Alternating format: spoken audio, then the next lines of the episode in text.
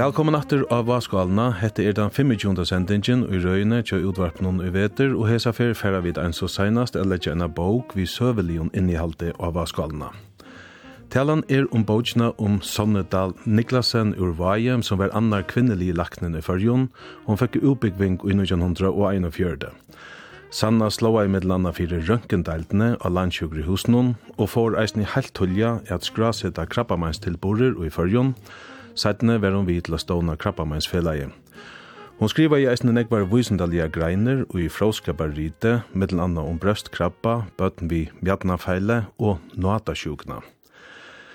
Martin Ness og sonurin Flowen Tor Nygaard Ness heva skriva bókina som årarat kallast Laknen ein og hundratals hermen Sanna Dahl. Sanna Dahl var født i Vaje i 1915 og døye i Havn i 2011. Ta Sanna vaks opp i Vaje var en ekver reiarar og handelsmenn her og papi hennara var ein tarra. Høvendane skriva at ui vaje var mong vela hus vi vøgrun orsta gørun, og Sanna vær ur einon av heson husenun, foreldrene våre Johan Jakob, og Elisabeth Helena, eller Elspelena som hon vær kalla. Sistjen hennara våre Peter, Johanna, Eivind og ein feierleis fostersyster ur Sumpa som kalleist Brinelt. Hentan Brynelt gjørdes sættene mamma Martin Ness, annan høvendan, og omma hin høvendan, Flowen Tor Nygård Ness. Per Bayer greia fremst i bøkene fra at han Martin var føtter i Vaje i 1903 var akkurat avfatt vid vinstra fote, og han var sender til havnar til kanningar og vidgerar. Hetta var byrjanin til nekvar lenkar havnaturar og oppihald av dronning Alexandrini hospital, her han la av badnastovne. Han myntist vel tøyina i 50 åren og 60 åren ta Sanna Dahl var komin at arbeida i husen. Særlig minnist han at trøsta ryk i år, og hennara særstekka hatt at sia farvel ta hon malte, hetta skal nok genga. Ta foreldrene til Marstene så flottet til Havnar under 1936, gjørdes sambandet vi Sonno og mannen Bjarna Niklasen oppa til Tattare, og det hittist ødelnegv i sambandet vi høgtøyer og føyingar er. Hette her verir alt nevnt fyrir at vysa at annar høvendurinn, Marsten, hei sér at tatt samband vi høvespersonen. Hin høvendurinn, Flauen hei eisne tatt samband vi hana, særlig at vi sanna vedre 1998 og 1995 bea Flauen teka oppa band til søve som hon heia at sia om sitt liv. Hetta enda vi at flowen skriva i samrøvene saman til trus, tatt skriva i asuyer, og mittel anna hetta bytjer evesøvan om sånne dal og. Hon bytjer eisne av eina ørgrinni av brøvun som vore sendt ur Danmark til Vox og hinvegin atter, Jøgne Mongar, til samans eina 1600 brøv. Eisne bytjer evesøvan av imes tilfær ur fjellmilen, mittel anna blækreiner og sjånarsendingar at ommela bókina om Sonnedal Niklasen og idea, har vi finnst ein lakna og ein søvefrøying. Laknen er Paul Veie, og søvefrøyingren er Ivan Niklasen, som eisen er kringvarps stjåre. Og idea er han korten i her som søvefrøyinger. Velkomner til Bayer. Takk for det. Takk for det. Ja, hva domte tikkun hesa bókina om Sonnedal? Paul? Jeg ble glad til å lese henne, tog at, um, at feimengrunden, eit, Jeg eh, leser om en en av mestesverda kvinner som heie heie mal og vi synon vi vi synon i utbyggving og vi synon arbeidsløyve så jeg fikk tantanchen kommer til hoks at um, at hun uh, hun var som en et folk som hei sett seg fire at føringar skulle genga fram i atlan lotum som sagt var i alla fonterna sinne og hin grunden er det det, at her er sånne detaljer om et nok så typisk laknaløyv, løyvet av unge lakna, og andre kommer fast arv, vi er serast i smam og vikariaton, av imenskon sjukhusen og i provinsen og i høvestaden, også framvegis i utlandet og i Svørutje, og, og det er, og hun sier, som fyrvande former for laknafellei, at dette er et, et, et, et godt utkast til laknasøvna i fyrjum. Ja, og Ivan, hva fikk du bort til å at lesa bøysna? Jo, jeg er samt vi, Paul, det her er nekko avhaver ting og i, uh, omframt det som han sier, så halte jeg som man kan letja at tre at det her djever uh, for så vidt innlit og i uh, Øyla nekvar imska tattir ui tjúndi öld ui fyrir søve, sjående er det en, en mørkeseverde personer som er, er høvespersoneren, som, uh, som Paul Eisen sier. Men vi får eisen innlitt i uh, badnaliv i vaje til å være en par av ivestaten i her, uh, til å slippe til havnar, uh, til å være under krynon i Danmark, uh, og så alle disse her øyelig avhåverte uh, eh tøyna herren er ute av imsen sjukhusen og ikkje minst fering fering altså fera samband i middelen uh, bei for Danmark og Eisen i middelen middelen eh mister ute her ut av og så er en øyla forvitneslig eh server uh, bei om en merkeskvinne men Eisen om om imska tatter i 20. alt. Arne vid færa vujar så skal det lukka kjøttgreier fra luftsgongtene til fyrst i Arne Tja Sonnedal. Arne Hon gikk i middelen og realskola i Havn fra 1928 til 1931, og gikk av studentaskola i Kjeppmannahavn fra 1931 til 1934. Beina veien ta hon vel lio, for hon at lesa til lakna, og hon tok lakna preg av Kjeppmannahavnar universitet i 1941. Sanna er så nevnt annar kvinnelig laknen i fyrjon, den fyrsta var Gjørdes Djurus, døtter sækføreren og skalde Janus Djurus. Djurus. Under krøynun arbeider Sanna Dahl i tvei år av sjukrehusen i Jørring, Fredrikshavn og Skanderborg, og sent i 1934 flytjar hon vid bati om Øyrasund til Svørges, tog hon atlaser til Førja. Hon var leiare av Førjehusen i Skåne og Lakne i Uppsala, Lund og Ærastene i 1944, Ta hon så fer vi herna var flåfære til Skottlands. Hiane fer hon til London vid Tåkje. Så fer hon atter til Skottlands og kjemur vi troppaskipen og Nova ur Aberdeen og havnena 19. november i 1944. Stått etter heimkomna ver hon hjelparlaktne av Klaksvigar sjukrehuset, og stått etter hetta fer hon et starvast av dronning Alexandrini hospital, og i 1946 hittir hon Bjartna Niklasen som veri mever hennara. Tei ver gift og i Ventsussel og i 1948. Ivan Niklasen, hvordan lyser du hesa ervesøvna? Ja, det er en avhørt spurninger. Det er ui to uh, greit fra her, det er jo mynden av en drikkvån og dramatisk løyve. Uh, og det er alltid är hundarna eisne rättligen väl här var mäkna just en en kronologisk kan byggna under uh, i sig så som man liksom kan fylla eh henne fram og lei og og, og søkja hvordan mennest og kvar for og foringar som som henne har vært fyri og kvar sønnen. Jeg kunne eh, ta hoksa mer at det var en sintemar iveskipa diskusjon i byrjan av bogen om hva det er for slag biografi vid, vid hva vi gjør. Tog innanfor søve så tåsa man om imeslø av biografi og kanska en sånn diskusjon tja høvunden hever fruktabær fire hvordan man mulig metodisk kunde, kunde uh, arbeid vi bøysene eisene. Uh, man tar seg lømmes om at det kan være en, en, en såkalla um, eksentrisk bi biografi, det vil si personen er rettelig eksklusiver, Og også vit om om om om om Sanne så er hon jo uh, atypisk mun til hva de ungar jenter og kvinner kunne ta kvar møla grøn hei løven. Så her kan man spyrja hvordan omboende er hon så fire syna tog. Og til en fruktabær spurning sett at du kan eisen sette mark jo fyrir kvad kvad er så hon megnar i stein fyrir. Eh, du kan eisen sutjana som en som en typografiska biografi här du tar sig om Sanne som ett en prisme för ett tatuin hon lever i som kvinna lackne och så har vi kom inn in att här in att här spårningarna. Eller du kan sutja som tatria, uh, som skal runde av i her, til til kjenta uh, enska, til til vi du hever, hever, ta breie, luive, avrisene og tøyen. Du greier fra løyven hon, du greier fra avriken hon, og så ser du du henne inn i en tøy, her du så uh, leder uh, tan konteksten brådast vi imst her som hon kommer fyra, ja. Og ankers vekna, hei tann diskussion sikkert vil gå at haft tja hundene bryr vite til hei til hei kanska just her meira uh, greier i hvordan er at jeg bruker kjeltene hvordan er at jeg bruker brøvene eh och kvar sen. Men det är sagt så har det från vissa mäkna att just en en en sammanhängande spännande server eh om en eh avhörd kvinna. Og hvordan er hentan Eva Evesøvan? Hva slag er hun så til du leser i søvnene? Ja, hun fatter en lydsenter. altså hun er nok mest av sørste til her vi, at det er et løyv, og så er det noen avrik, og hvordan er tøyen? Uh, men det som jeg sier, til er har man haft disse her diskusjonene, så har man kanskje kunnet trøyt kjeldene er lydsenter øvelse, til og med breva saun, det her er drutt breva saun, man er kanskje som eit nu, han kjente dansk søvfrøyngren Søre Mørsk, som, som uh, anleis her forstått han av over Litt Bjergård, Han skriva i bøker om, om danskar forsattsmåler og herrer. Og her brukte han til metoden at han sette der inn i sinne samtøy, men han brukte allan litteraturen om samtøyene til å sette, til å sette statsministeren inn i samtøyene, og ikke sinne kjelter. Det som sier til til hent her diskusjonen kanskje jeg kunne avklare i hvor man skulder til brukt brøven og meira, her det trøtt til at kjelte tilfære noen ek, kan man spyrja, her det vere noen ek ute i ødelen, eller i misken øren boken om 20. øld, det kan man spyrja.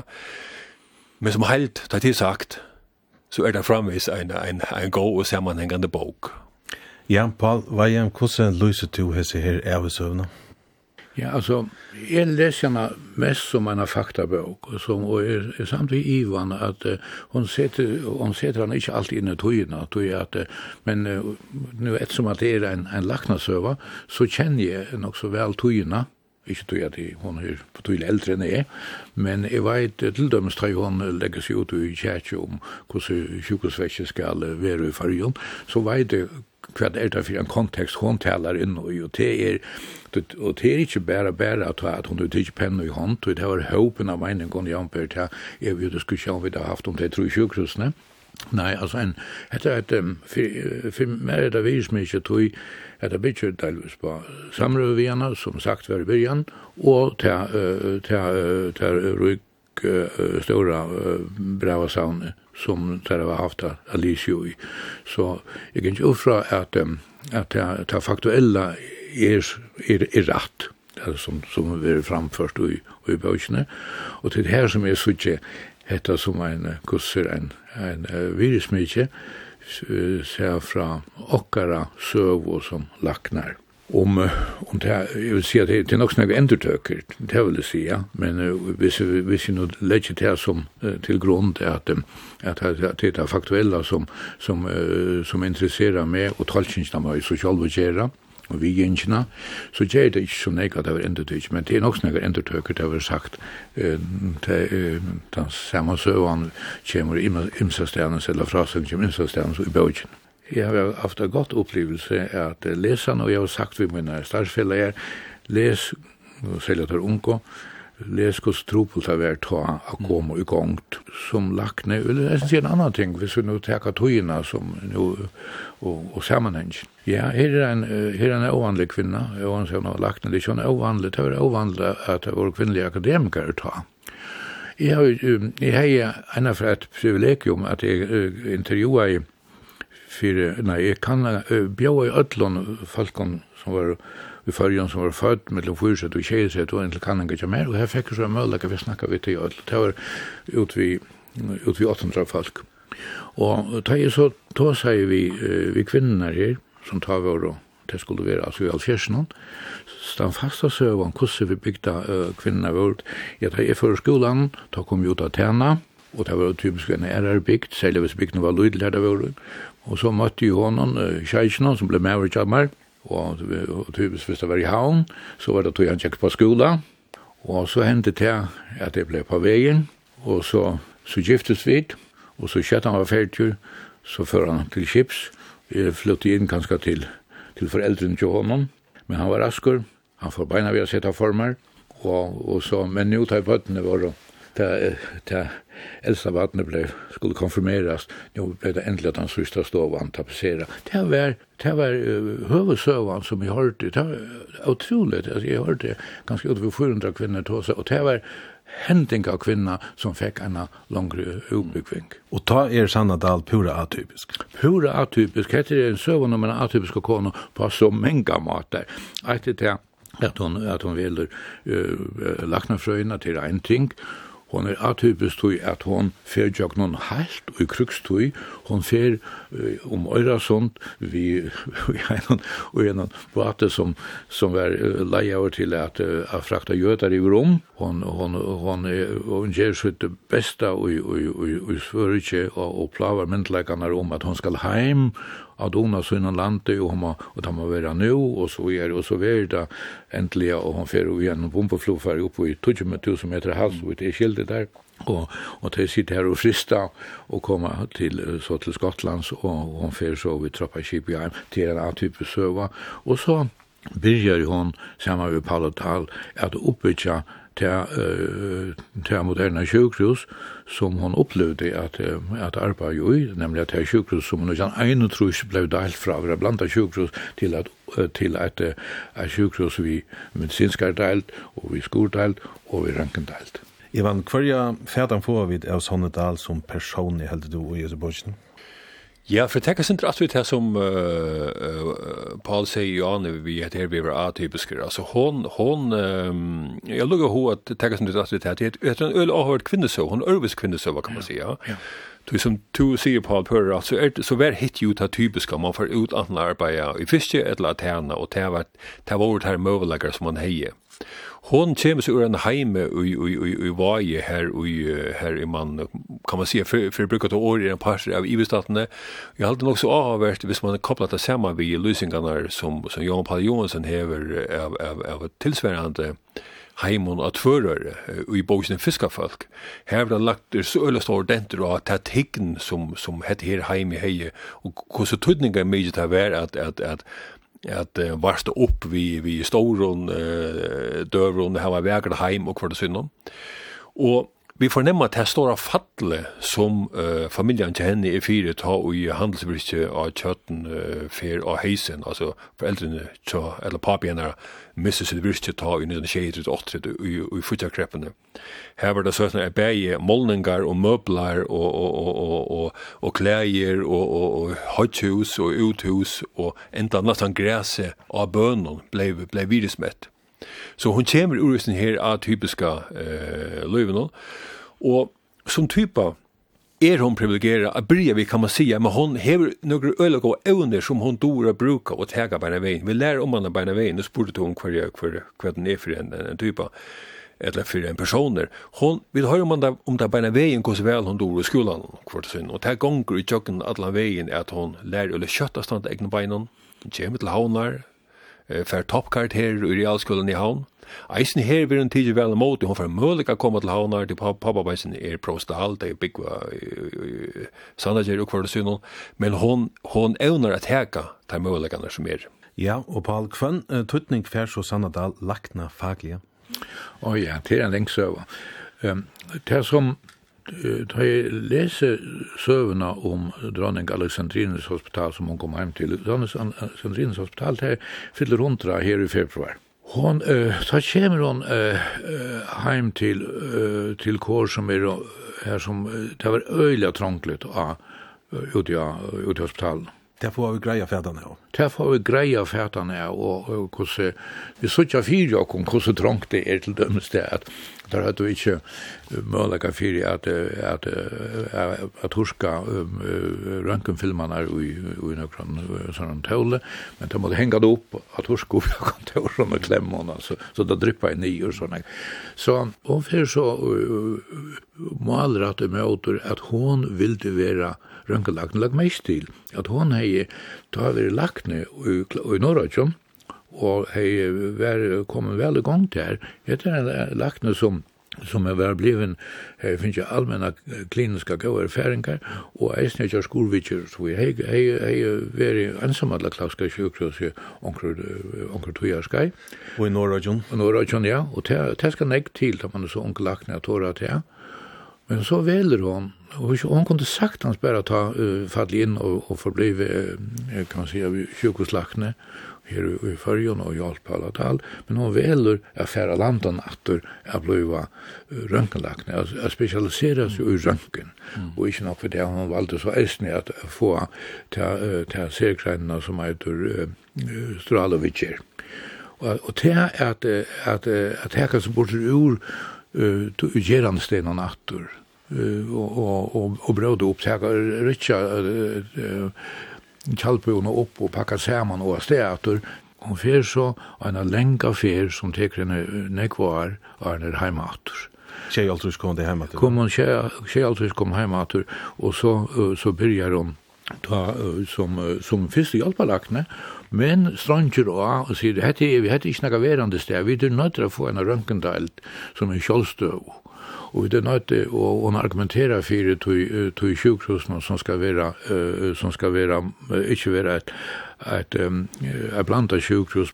Og jeg har alltid det, som jeg kjenner søvn og eisen i ufred serbøysene, så var hun en av meg en drivkraft med fyra vi finko til landsjukhus, vi finko, vi, vi, vi, vi imens kom til Elton og noen kjandra og ene trus. Ja, Ivan, det er søve frøy i lian, Det han nevnte du er sinter om beina veien uh, i byrjan av sendingene.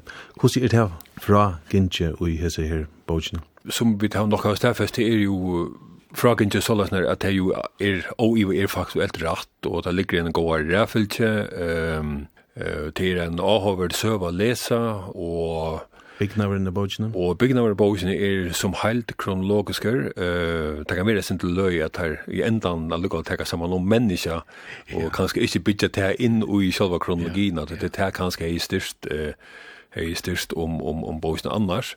Uh, men i halte det her uh, høyre saman vi tog diskusjonen som kanskje vant i brygjane hva det er til for slag av en biografi.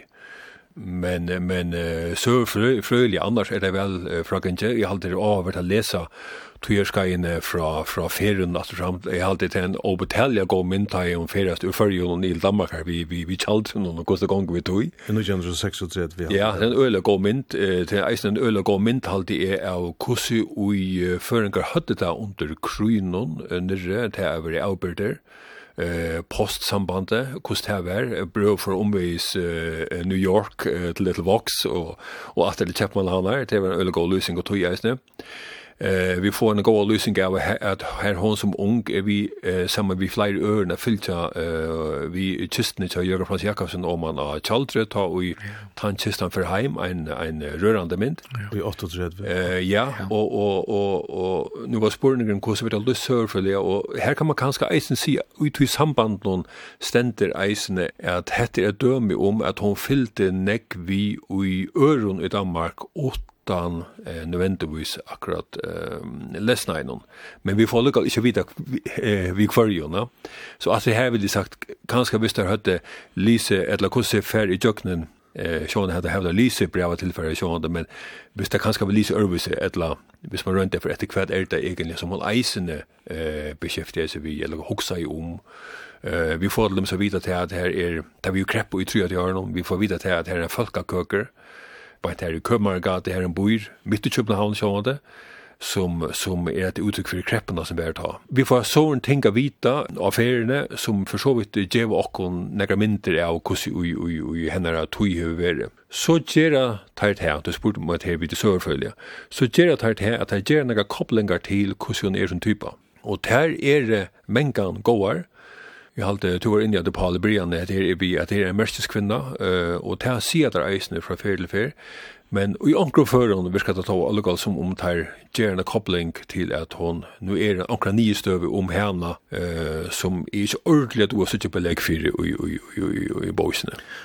Og det jeg vil si at det er jo høvendanner som har behov å komme fram og i frasøktene er gjerne noen nye støver fire lesere med. Ja, ja, og det skilje, det skiljer eisne vel, det skal jo eisne, det er en, en, en, en kvinna som hever, uh, som du eisne sier i byrjan, hever hotigetar, det har vi samband med kvinna, uh, så sjålvande er det her eisne øyla, uh, engasjerer i eisne tilfæren, Vi ledja i løtene bókina om Sanne Dahl av Vaskalna, som Martin Ness og Flauentor Nygård Ness heva skriva, og til er Paul Veie og Ivan Niklasen som omella.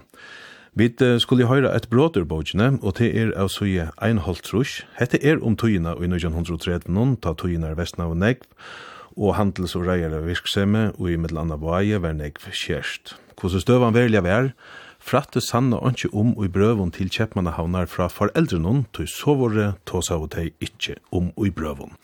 Akkurat smavis fratte hon kortene fra syskenon, som tog bo hana halda tatt om standen. Sanna leser hesa tøyna til lakna ui Kjeppmannhavn.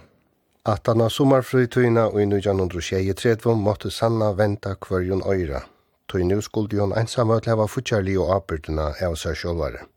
Hon heie her til finnje stol heimanufra, men nu gikk hette ikkje langkur til kreppa være fiskevinnene, og flest og reia rui og handlar ui vaje vår vidla fire. Handelen var eit handelsfela som Pape Sanno, Johan Jakke og Batja Hansara, Thomas Johan Dahl, Heftu 4, og til var etvolden til at foreldrene mistu alt de åtto, bei hus og gjør. Öll oknen tja Sanno og Taimon var nu virusmett, hus og alt som innevær møblar, målningar, borbunaur, öll klæje og anna. Eisen i uthus, tjadlur, fjós og hodjhus og jøren, nudju gittlen innan og utangars. Sjalt græsi av bønun var virusmett, som papen tog til. Sanna du til at uimynda sær gosse torført det heve veri kja foreldren og ta særliga kja mammane a komu i jøknen hesa togina. Ja, Ivan, hetta brådet som vi hørte her, hetta var det som du vuste til i Johanne. Og hvordan var det kårene som hun vaks opp under i Vaje i 2030 nå? Jo, det har vært øyla god, og, og man hører eist om at hun tjekka en privatskola uh, i Vaje, et stort skifte, og ta, ta sier hun, nokre eist, et, et, et uttrykk for henne rettviseskjensle, ta sier hun, Og hun slapp av, slapp av en til skolen bare til hun var, eh, hun tog det øyelig vel, men eisen til foreldrene jo hadde råd til å betale for det.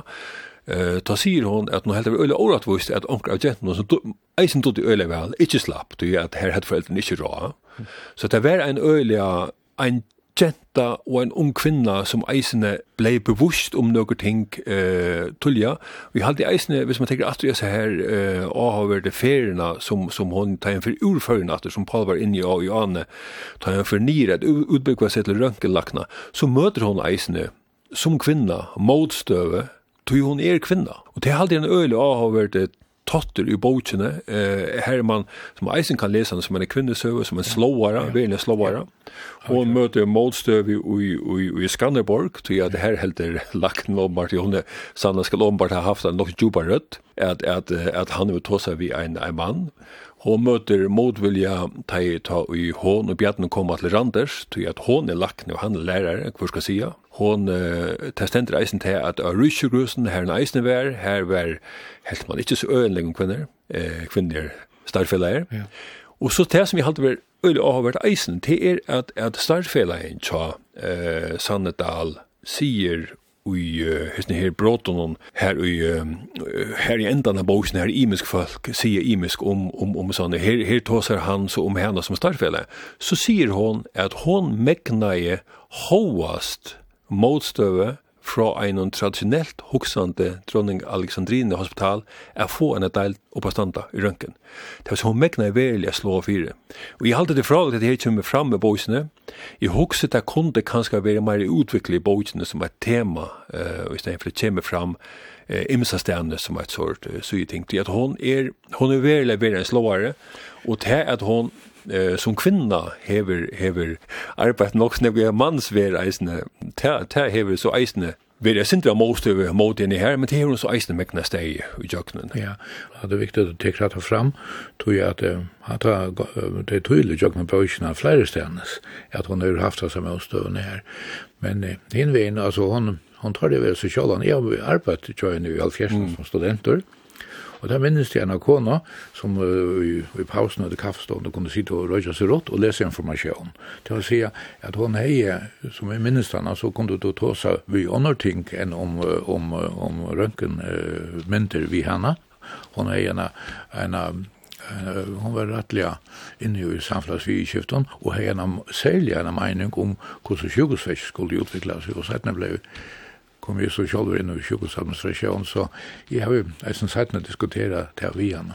Jeg har også eisen, da man, da man kommer alltid til at det her vele som du tar seg om, uh, Paul, det her blir det kommer alltid til førjer, da hei hun jo vele i middelen kanskje fra Starv, kanskje i Aarhus, ja. som jo var et, et, et, et størst og flott sjukhus og Iva, og så kommer hun heim uh, ta i sosialtrusjonen, sosialtrusjonen her lei, ja og, og til eit verilega nye slite sjukhus. Jeg halte han det her rapporten som hun skriva i, ja. det er nok hun som skriver skriva nå til, til uh, Fakatings... Uh, Fugernevntna. Fugernevntna, Fakatings. Er øyeliga sigande om en dame som, som bei er øyelig vel formulera, og dor øyelig vel at argumentera, Ja. Og eisen vei precis hva det er hun skal. Ja, jeg leste utgjør til nuttjo uh, suger, ja, altså, uh, tattskrive suger, uh, maskinskrive suger, här som här som därför man för chock någon allt möjliga parter av av av sjukhussvetsnan mm. och och är öliga konkret och till till man säger till till inte bara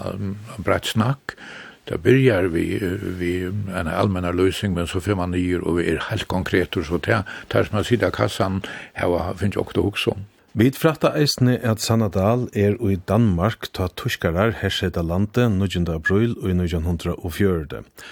Og vi skulle høre et brot om hvordan det hendte, hva folk hilde om hersetingsna og hva sanna gjør det just ta. Folk i Danmark var ørkjimla av du i knappli og hersetingene og i hendu så a sida utan motstøvo. Stjøtnen og konkur gåtog og hersetingene under motmæle. Folk var i iva og visste ikkje hva de skulle huksa eller gjera. Ta var da er løgna rørsler tog seg opp. Det var bært einstaklingar som eit nu Frode Jakobsen og då det var suttja gos i gongten for å vera. Han er i flere ferir i 30 veri i Tysklandet og vær beinanvegin greier iver olvarsem jo i støvene. Sanna sier tog at som heilt var det flest og illa vi at dansko myndelaikaner tog og hersettingene av landen og så undalige rålige. Håast det kanskje i mona luiti a gjørs motstøv og i måte til sterska tuske herinu. Negg voru ónøgt vi passivu støvuna tja stjøtnene, tui til dømes dei arbeidsleisu voru nærum nøytafæra til Tushlands, her fleiri enda og i herinu. Og i Danmark fingu dei heilt einfalt ikkje sosialhjálp. 18. og 19. april gingu fleiri dier er en folk kom fyrir sig aftur, men neiut verja sannu a komu i gongtattur vi lesteren, tog hon skulde til próvtøku i Ørumparti A i mai og juni. Próvtøkan hilnaist vel tjoene, og nu hei hon sommarfri. En eina fer sutja vid kusum mivvis sanna er. Hon veit vel at foreldrene vil du hevana ikkje fer av steatur seinast hon var heima, og nu kan sjolt ikkje ein heimspardei i stekkene. Vestir er leggja til merkes at henda mivvisa tankagongden er henne til mikla hjelp fer etter fer. Ja, Palvaje, her høyra vi i enda noen at sjålt ikkje en hamsbardei kan stegge henne sida høvendaner, og vi høyra nok så ofte hesa nye støvnar som er i øyla positivar fra høvendan noen. Hva heldur du om det? Ja, man kan si at det er at det er så tæra fralse, eller ikke at det er talsingen og men, men, men, men det er faktuelt, altså, livet sitt løyve så inn er at hon, hon fer til, fer opp til, till examen och till annan part av som det kallar i stad och och och och og og känner du kök någon där. Men um, man kan se att det det att hon er vunnit ören Hamspartia och det det det ganske inte flott sagt men det ger hon ikke för mig jag tror att är i upptagen av av huvudsövn här men men det er rett, altså, det tar det er några tolkningar och i här och der, som utfra, som är ganske synter tar er beundring för igen Ivan, først du uh, være av av at høvendene er i hodtekning selv av høvespersonen? Ja, det er der, og det er for så vidt ikke noe galt i tog. Man skal jo helst gjerne være hodtekning av en person hvis man hever ho å skrive om, om vi kommande. Men, men sånn, det som du sier bare til, det er at her jo uh, her var jeg tatt tilknyttet til høvespersonen. Ja, det er nægar nye støver, men det er samtidig vi paler jo til at, at uh, høvesøvann er det som er mer uh, avhåverst. Så det är nye stövna att fire av år. Nu nevnte jo Arne at, at uh, det kan si være belegg for omkron. jeg må helt nevne at det dømes. Men det var näka vi at, at hon uh, eisne megnaje at klara seg hovast at um, pengarna heimann fra uh, då du borste, men, men velagan fekk hon jo Samsons fekk hon jo legater fra atlanska staten hon, og fekk renter fra land fra atlanska staten hon, så det var nok ok, men altså, i nøkron føren skal det eisen sies, the flere føren skal det eisen sies at det er nystöver er, er, er, er, Alltså till dömes att det är vi som av kvinnor som tar sig om i Janne.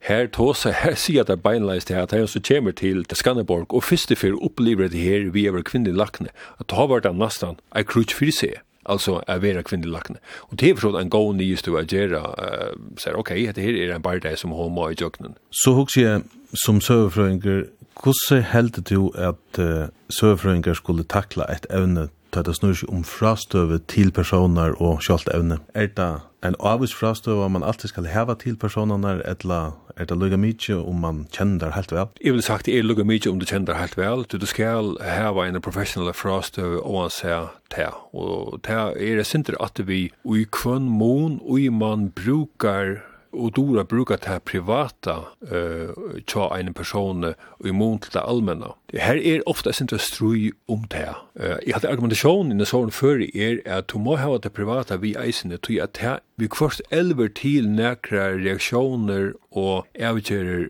som treita tog en etbor ut i allmenna ron. Og her hukse kanska at, at uh, ein, ein grei jöknungongt av breva samskiftnum som kjeldegrundalega kunde til give um, kanskje jeg vet mer og jeg spørsmål. Vi frattar nek om, som tid har sagt, at Sanna som kvinna fer motstøve som lakne. Og i Skanderborg og 1934 helder ivelakne lydig om konefolk og i lakne iskjennom. Hon fer at skriva seg S. Dal i omsøknun fyrir at krekva at hon er konefolk få vid opplyst. Vi tar et bråd av suje trujufors. Skanderborg sjukrehus vær hesa tujina eit blanda sjukrehus vi er noen kirurgiskon ivelakna. Fyrsta dagen Sanna var til arbeides, skulle hun være hjelperfolk vi eina skurvitjer. Hon stod tilbyggvinn av skurstovene ta i ivelaknen kom. Han gjørdest eggvillig av bilsen ta i han så. Sanna hei neivan finnje starve, og man framan undan visste at hun var konefolk. Alt enda i tog vel, og Sanna og ivelaknen arbeid saman i sott og semjo. Han var annars sera snarsintur og får idla vi sjukrasystronum. Det kundi henda at han sparka i operasjonssjukrasistrene i beinet om hon under skurvidgjerne gjør det okkur stående hun domte, og sjukrasistrene funnes i ujesund. Ta i tøyene var og framvegis ivelaknar og i hilde seg vera konkar og kundu gjera som daimon liste. Ja, Paul, hva sier du med så løsingene av lakna noen her?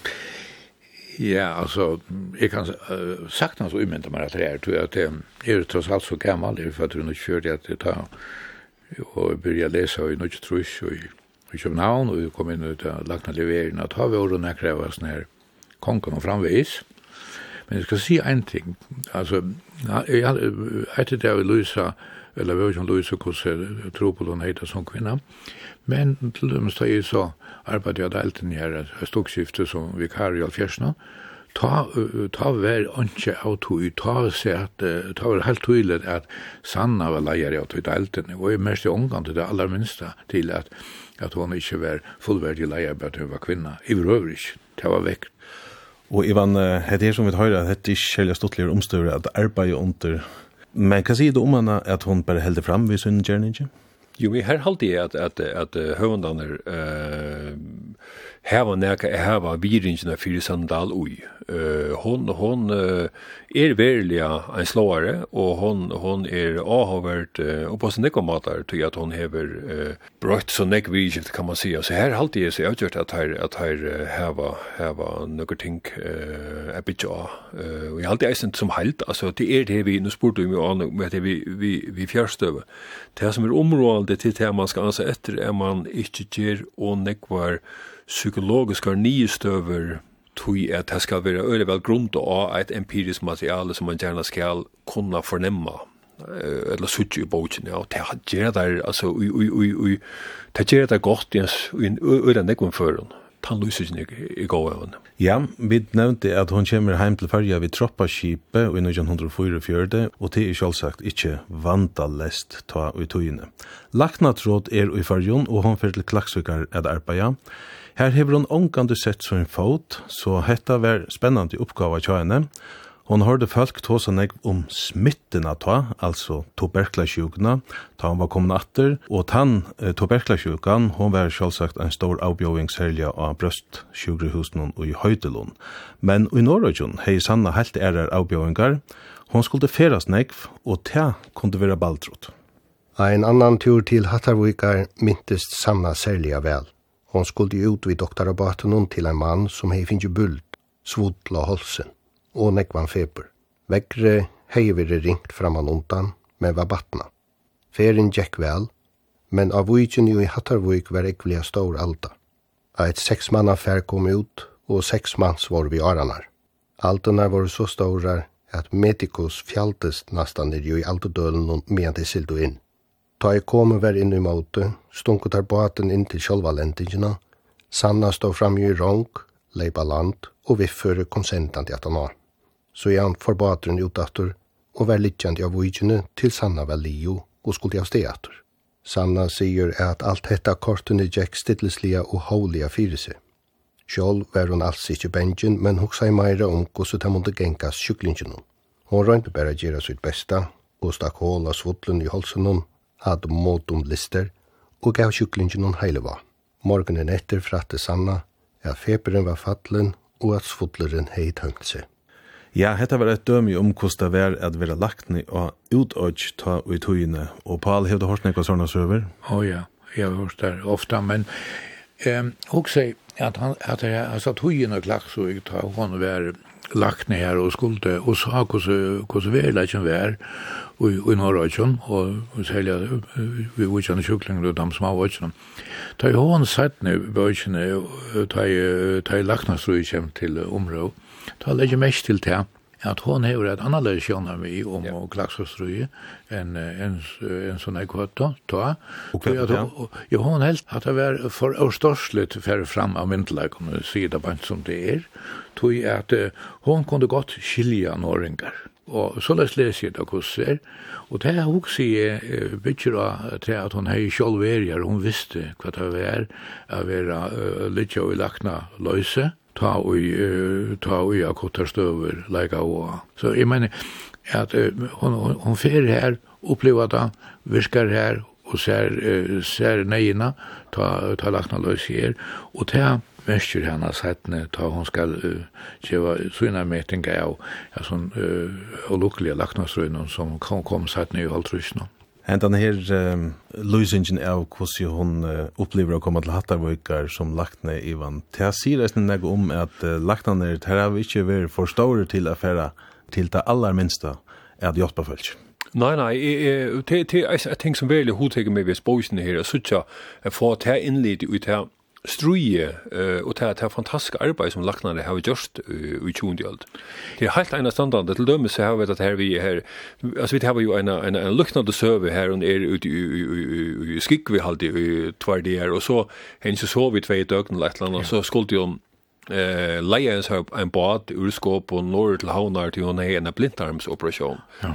Altså det her vi at arbeida eh, så harst fire eh eller oj oj oj tändas nu och är sånt te te över hur tagarna läsa och isen te te folkar som vore akkurat mot att vi vi lacknar stunden har det isen avvert som som du ser på att hon faktiskt hever över så pragmatisk av mig hon ja. sier simpelt ja, men det, det, hon skilte bare klaksingar, det er lakna løse hei veri som just størst. Ja. Og så ferna brev fra, fra landslakna latter, ta sættene, ta i hon så atleie ser heima til førjer, og så sier han lukka som jeg hadde ved sexhold trusjel her alai, at, at, at her er lobby på varg, her under konstruktive tankar, lakna rymo framveis. Og til en avhver kjelde om hos landslaknen, ta heida.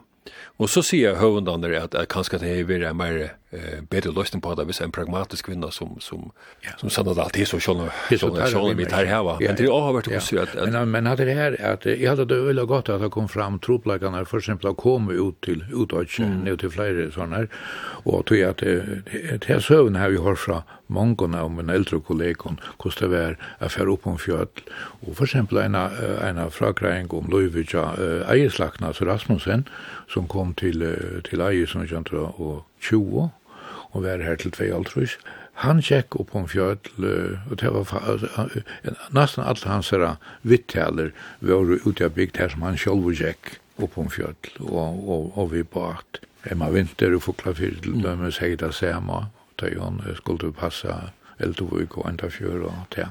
Men alltså så här är det tog ju sig till eller säger det som att för mig är det en durkryp på av av tema och i Laxnasövn i förr. Ja, Sanna og Bjarne Niklasen med over en ferda til Danmark er nek etter krutje ta hun skal vujer i ubyggvasem, og bøttene de kommer så under 1924, 1,5 og 4,5 Sanna arbeider i Randers av Rønkendalt fra 1922 til 1924 og av Rønkendeltene i Aarhus til 1926, da de så kommer heimater. Ta de så flytta heimater, så ver hun delterlagtene og i Rønkenvitjer av dronning Alexandrini Hospital fra 1903, helt til 1922 er hun så ivelagtene av Rønkendeltene av landsjøkrusene, som ødel er samt om at hun stod av 84 at bytja opp. Palvei, hvert var fremsta aurikje tja Sonnedal? Det var det at hun, at hun uh, gjør det av å fære og lære seg moderna, lære seg røntgenlakna fag. Og her hun fram til eisene så um, uh, Stralevitje. Det er at hun fær og at hon um, så køyrer av for å få en uh, utbygging, så la seg få en uh, en moderne rønkendelt. Hon er en av underskriverne som brev til fortjernevnt og den danske fortjernevnt og jattal trus. Sammen med Palla Dahl og, og, og deltar leieren som var i sjukhusen da. Hon heldt fast, og så, uh, så, så vil det enda sagt at ta hon så narkas enten av sånne professional liv, så kunne godt sutja det, nå kommer er teknikker til dømme etiske anlegg og så videre, så videre, så sier nei, Her steg ikke jeg, at hatt er ikke min teknikker, og hatt er ferdig nok ikke om, til å si at indikerende at hun kjente sin, sin avmarsing, og så vidt jeg minnes før hun fra som tjej til Sørgommet, og til ham, jeg vil si en av største avrik til er at etablera en rønkendelt som vi tar med teknikken som hon heie, vi har fullt av hatt vi til som hon har høtt og i Granaland. Så hugsi hon for eisini under at skraseta krabbamans til borer, og hon blir eisini involveret i at uh, stónseta krabbamans fela i 1924, og hon gjør eisini nekvi til at skriva vysendalia og i fraskabarite om bjantnafeil og brøstkrabba og om natasjuki og så framvegis. Ja. Og det er det som alltid er så særstakt vi henne, det er det er at hun er en, en, en, en passionera og klinikar og en, og en rønkelakne, men hon er eisne, hever eisne uh, visendaligar hove av. Hon kasta seg, sånn her særlig arbeid var uh, mjatnafeileren, Kalve Perste, og, og ein grein stendur her i, i Froskapariet som er leng, jeg leser henne, leser henne atter nå, det som er bemerker mer til det at hon sendte til Froska som ikkje gjør en akademisk han heier, tog at hvis han skulle til, så skulle hon publisere og i alt kjøtt høyere i. Men, uh, men hon kjer det her, meira fyrir, altså ikkje fyrir, som, som er lesta fyrir personliga han men fyrir att få dokumentera hvordan Chile er vi vikjante uh, mjøtnafeile. Ja, og i bogen om Sannedal så hører vi det eisende nek om mannen Bjarne Niklasen som vi har nevnt. Han var født i 1900 og 1900 og døg i 1900 og furs. Han var mengt og kvært, han var semingsmæver, og han var lærare, og han var formæver i byggenevntene for listaskalan, han var ekvelja søv i hoaver mæver, han tøtt i heimskrinkle, og laksdøla søv og njalsøve, og han seist hava godt mål som kom ur kone hen han var og arbeidde nek som var i Christian Matras. Og han tøtt i eisen den sorste gryte tja William Heinsen til ui sorstanon og så gjør han eisen nek på skolabøker og i ælesfrøy, Evnafrøy og Stjøtnefrøy Og mer er sagt fra eldre følge at han var en bæg gåur og kjentelig lærare. Ivan, heldur du at hei hava væri et kraftmykje intellektuelt per hesbæg? Ja, det er, man nok si at det har det nok vært. Um, vi høyre eisne om hvordan ui Sannadal tok uh, virsk lot ui arbeidene til Bjartna uh, med landa vi er fyrkipet sier Vucinga uh, kongressene som var i høytelen ui, vi 60 år nå. Ehm hon var eisne ehm virka eisne fyrir at at uh, tøyingarna og og imskar imsla etter bjartna at han var færen eisne kom ut og den bogen at hendingar alene. Ja, akkurat. Og vi har reist en, en lokstottelig episode om ta i Sanadal var i Sverige, at uh, hon skulle, så skulle hon, så fundet det av, og han står og fundet hon var føringer, og ser imiske falskjene skulle skulle lukka som sia et eller annet halda et herlig eller et lakkort, og en handavending så, så tog hun nøkker ørend ur en kveie, så hon hever, hon finnes vi mentan, vi har eisne i bandomspalten vi lina et no, og så hon hever en menta kvinna i, i eisne. Vi skulle færa et teka saman om, Palveie, Bogen om Sonnedal. Hva heldur du om annan hvis du skal si at det stått? Ja, jeg vil bare si aftur at jeg er glad for at hon er, at, at, at Marsten Flåen har hava, hava skrivana, og hava uh, og grundalegi er intervju vi, vi konna sjolva, og hennar er mange brøv, det er det som er grundalegi, og jeg håper at um, starfsfyllegar med landa, færa lesarna, og uh, tog, uh, tog at det her færa få uh, til å få, få en en større forståelse for hvordan uh, trångelig kårene var og kjatt herre kjatt herre starfellan for noen faunaren så gjerne Selv at man vet det kanskje finnes det at at sånn, og Hesson saman omtidje jeg vil si at det er mulig at fra en søv og faglen sjåna mye at, at bøgjen hever onker lyder men jeg, jeg, jeg kjøper bare til premissene at dette har haft et faktuelt grunn til det henne hennara frasøkt og einar prøv, og alle søvna frasøknar som er, er suttje er jo plausiblar. Ja, Ivan, uh, stått uh, saman om tidsje, hvordan er bogen heldo? Jo, men dette er en god bok, altså dette er en forvittneslig lesnaver om, om om en människa som hever hever upp på borgen av så eh det har varit vi skifte vid få in i i tjuende öld och det har vi så sett och sjonar hatt en en en kvinna och en lakna. och det är ett förvittnesligt sjonar uh, en halt det att söka det ur. Och så vill jag säga här att det här då väl att skriva det här visste vi ju från London en Martin då väl att skriva och och så den flowen har vi ju eisen arbetsmöjligheter journalister eisen så bosen är omfrant här och har varit så eisen en väl skriva av så. Så får jeg takke til Kumbavon, Paul Veie og Ivan Niklasen fire at de kom i avaskalene at ommela bøkene om Sonnedal som Marsten Ness og Flowentor Nygård Ness heva skriva. Fyrteknikken stå Kari Annanberg og avaskallen vil atter nasta mykda. Musikk